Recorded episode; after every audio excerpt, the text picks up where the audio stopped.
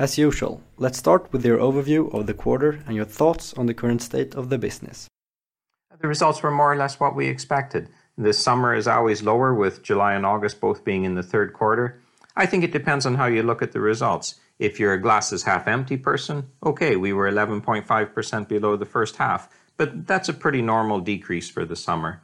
If you're a glasses half full person, uh, we were 15% above the third quarter last year, so that's good year on year growth. It was the third best quarter in our history. And there weren't any surprises in any of the current programs. Nothing was low, nothing was worrying.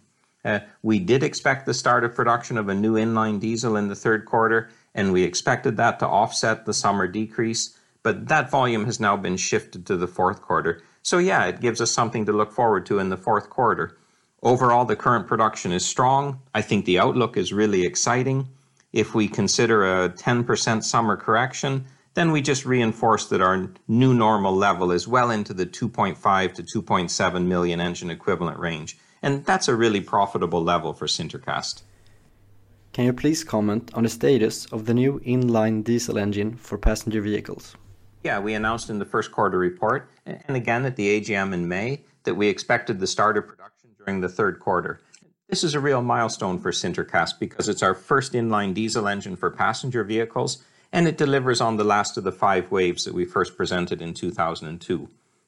We've been informed that the current vehicle is selling really well, so the OEM is continuing to fill the demand with the current engine, and that the transition to our CGI engine will now be made in the fourth quarter. And in the meantime, we did start foundry production in the third quarter, but the foundry won't ship the CGI blocks to the OEM until the fourth quarter.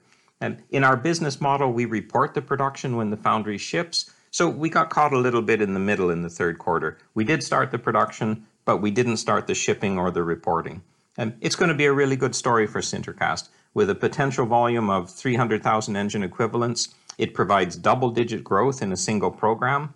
And, and it's a big part of our vision for breaking the 3 million engine equivalent milestone. With one quarter remaining, what is the outlook for your 2018 installation revenue? After three quarters, our installation revenue is 2.9 million, and that's equal to the first three quarters of 2017. But 2017 was a disappointing year for installation revenue. We finished at 3.7 million. Our average installation revenue from 2010 to 2017 is around 7 million, so we've still got some work ahead of us to get to where we want to be. The Kimura installation in Japan was shipped in October and will be commissioned in the fourth quarter, so that's one step. And we've sold some hardware equipment in the fourth quarter, and that's another step. Beyond that, we need to consider both the foundry timing and the new accounting rules. Before 2018, we could take the installation revenue to the P&L when we ship the equipment, but now we need to wait until the installation is accepted. And we can definitely ship the Tupy and the Poitrad ladle tracker equipment this year, which would satisfy the old accounting rules, but we're still discussing the schedule and the foundry access with our customers. And I'm not sure where the P&L will finish, but we'll keep pushing, and we're also pushing to conclude some additional hardware sales before year end. And on an apples to apples comparison with our historical performance and based on the old accounting rules, our goal is to present 2018 as an average and normal installation year. The operating cost increased, particularly during the third quarter. Can you please comment on this increase? Yes, operating costs were up 1.8 million in the third quarter and 3.4 million for the first three quarters of the year. So more than half of the increase was in the third quarter.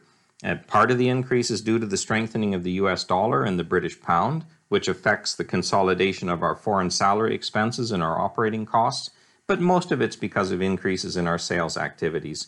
Since the beginning of the year, we've brought in two sales consultants to help introduce our technology in Russia. And more recently, we've contracted one consultant to help develop the industrial power market and a full time consultant in Latin America to help us serve our biggest customer in Brazil and to develop the Latin American market, particularly for our new tracking technologies. So, for the most part, it's a planned investment to improve our market presence and to increase the overall market opportunity.